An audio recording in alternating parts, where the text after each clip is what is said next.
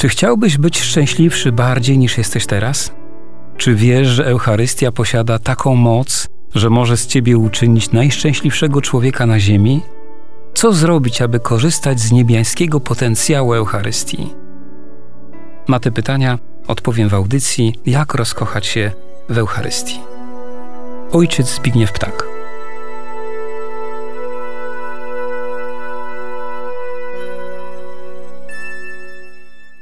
Każde nasze spotkanie z tym, co nazywamy najświętszą ofiarą mszy świętej, winno być maksymalnym uniżeniem się wobec Boga, który w Trójcy Świętej jedyny przychodzi do nas. Świętość Eucharystii spontanicznie winna rodzić nasze uniżenie. Nawet jeśli tylko mówimy o mszy świętej, najlepszą naszą postawą winna być postawa pokory i zaufania. Dlatego wyraźmy nasze wewnętrzne uniżenie i ufność wobec Boga naszą modlitwą. Wszechmogący Boże, Tobie ofiarujemy krew Jezusa Chrystusa, krew wszystkich męczenników, cnoty i zasługi Jezusa, Maryi, Józefa i wszystkich świętych w połączeniu ze wszystkimi mszami świętymi, do tej pory sprawowanymi i tymi, które do końca dziejów będą jeszcze sprawowane w intencji naszej żarliwej miłości do Eucharystii, w intencji naszego głodu Eucharystii i w tej intencji, abyśmy zawsze skutecznie opierali się pokusie zabójczej rutyny. Wszystkich słuchaczy błogosławię w imię Ojca i Syna i Ducha Świętego. Amen. Dzisiaj druga część naszego streszczenia liturgii słowa. Podstawowym elementem związanym ze słuchaniem Słowa Bożego jest nasza wewnętrzna postawa. Chodzi o to, aby z właściwym wewnętrznym usposobieniem słuchać słów Boga. Zwykle jest tak, że słuchając Słowa Bożego, wydaje się nam, że przez to Słowo przypominamy sobie to, co działo się w dawnych czasach lub co było powiedziane. Tak jest z ludzkim Słowem. Kiedy głoszone jest jednak Słowo Boga, to tak intensywnie we mszy świętej działa Duch Święty, że uczestnicy liturgii są niejako przenoszeni w czasie. Oni uczestniczą w tym wydarzeniu w taki sposób, jakby ono działo się teraz.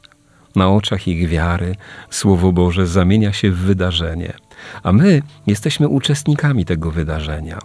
Jeśli człowiekowi uda się to zrozumieć sercem, wówczas może się rozpocząć proces spożywania słowa. I o to właśnie chodzi w liturgii słowa, by nie tylko słuchać, lecz spożywać Boże Słowo. W nauczaniu Kościoła można przeczytać następujące wskazania. Gdy w Kościele czyta się Pismo Święte, sam Bóg przemawia do swego ludu, a Chrystus obecny w swoim Słowie zwiastuje Ewangelię. Dlatego wszyscy winni z szacunkiem słuchać czytań Słowa Bożego, które są najważniejszym elementem liturgii. Słowo Boże, zawarte w czytaniach Pisma Świętego, zwraca się do wszystkich ludzi każdego czasu i jest dla nich zrozumiałe. A teraz krok po kroku powiemy kilka słów przypomnienia o każdej części liturgii słowa. Oczywiście będziemy mówić na przykładzie liturgii w dni uroczyste. Wówczas liturgia jest najbogatsza. Najpierw pierwsze czytanie. Czytane ono jest zwykle ze Starego Testamentu. Kościół przekazuje nam przez to między innymi prawdę, że Stary Testament podprowadza nas pod Nowy Testament, a Nowy wyjaśnia Stary.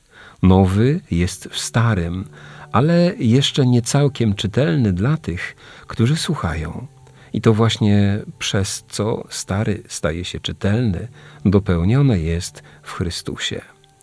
Czytanie to nazywane jest profetus, czyli prorok, dlatego że zwykle czytamy je z ksiąg prorockich. Czytanie to można porównać do fotografii. Opisuje ona nasze ogromne możliwości, które powinny się jednak liczyć z ograniczonością i grzesznością. Psalm. Psalm jest pierwszą naszą odpowiedzią na słowo, które Pan Bóg do nas kieruje. Przez specjalistów jest traktowany jako szczytowe osiągnięcie ludzkości w dziedzinie poezji modlitewnej.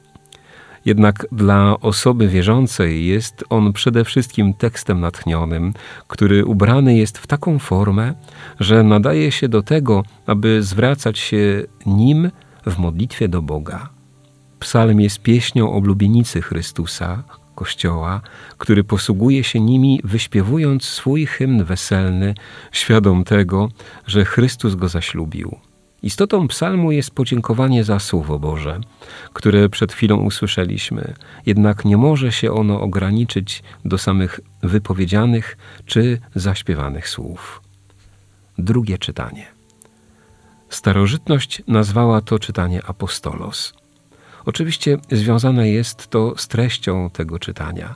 Najczęściej czytamy w nim teksty z listów apostolskich lub dzieje apostolskie. W drugim czytaniu bardzo często słyszymy wskazówki, w jaki sposób możemy prowadzić życie w Chrystusie. Teksty te zachęcają nas do głębszej duchowej łączności z Kościołem apostolskim. Poprzez te wypowiedzi Bóg zachęca nas do wierności tradycji apostołów. Ewangelia. Czytanie Ewangelii stanowi szczyt liturgii słowa. Sama liturgia poucza nas, że należy je otaczać najwyższym szacunkiem. Wyróżnia bowiem Ewangelię spośród innych czytań specjalnymi oznakami czci. Szafarz upoważniony do jej głoszenia przygotowuje się do tej czynności przez błogosławieństwo lub modlitwę. W związku z proklamacją Ewangelii ma miejsce wiele znaków. Kościół pokazuje nam przez nie, jak ważna jest Ewangelia w liturgii mszy świętej. Są wśród nich postawa stojąca, osoba proklamująca Ewangelię, to zawsze kapłan albo diakon, dialog przed proklamacją Ewangelii, trzy znaki krzyża na czole, ustach i na sercu, ucałowanie ewangeliarza, zdanie niech słowa Ewangelii zgładzą nasze grzechy, Dodatkowe znaki to błogosławieństwo ewangeliarzem podczas obecności biskupa, ministranci ze świecami przy stole Słowa Bożego oraz okadzenie ewangeliarza. Homilia. Kościół nas uczy, że homilia stanowi pokarm konieczny dla podtrzymania chrześcijańskiego życia. Winna być wyjaśnieniem jakiegoś aspektu czytań, Pisma Świętego albo innego tekstu spośród stałych lub zmiennych części mszy danego dnia, z uwzględnieniem zarówno obchodzonego misterium, jak i szczególnych potrzeb słuchaczy. Punktem wyjścia homilii są więc teksty biblijne przed chwilą proklamowane i życiowa sytuacja słuchaczy. Kaznodzieja ma połączyć jedno z drugim i wytłumaczyć oraz ożywić jedno przez drugie. Homilia winna zmierzać do wewnętrznej przemiany słuchaczy i wyrażenia jej w życiu codziennym. W taki sposób na nią patrząc, możemy powiedzieć, że homilia przygotowuje słuchaczy do owocnego uczestnictwa w ofierze Chrystusa, do ofiarowania samych siebie Bogu i oczywiście sakramentalnego zjednoczenia z Jezusem Chrystusem w Komunii Świętej. Kapłan ma nam pokazać, że to słowo, które przed chwilą usłyszeliśmy, jest żywe i aktualne dla każdego z uczestników i to na dzisiaj, na teraz. Wyznanie wiary.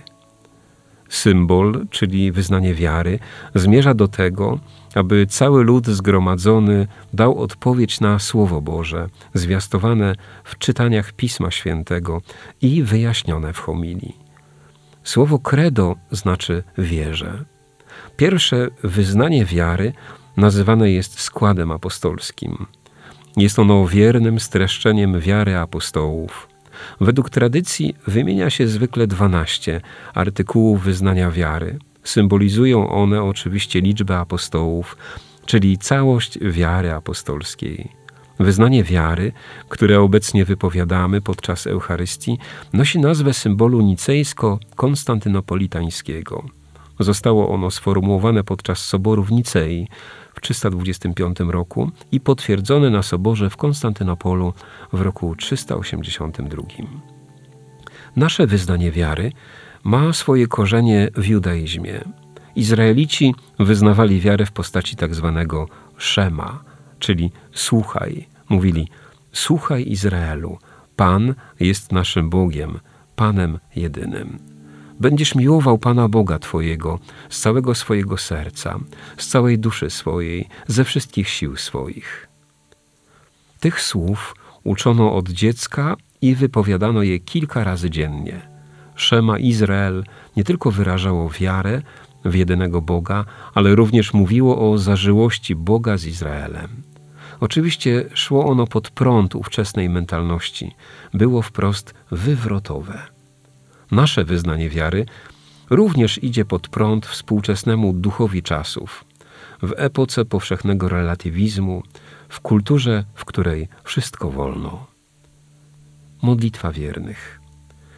W modlitwie wiernych, czyli modlitwie powszechnej, lud w pewien sposób odpowiada na Słowo Boże przyjęte z wiarą i wykonując swoją wynikającą z chrztu funkcję kapłańską, zanosi do Boga błagania za zbawienie wszystkich. Modlitwa wiernych jest trzecią naszą odpowiedzią na słowo, które Pan Bóg do nas kieruje w liturgii. Powinna ona uwzględniać aktualną sytuację na świecie, w kościele, w kraju czy też w parafii. Błogosławię wszystkich słuchaczy w imię Ojca i Syna i Ducha Świętego. Amen.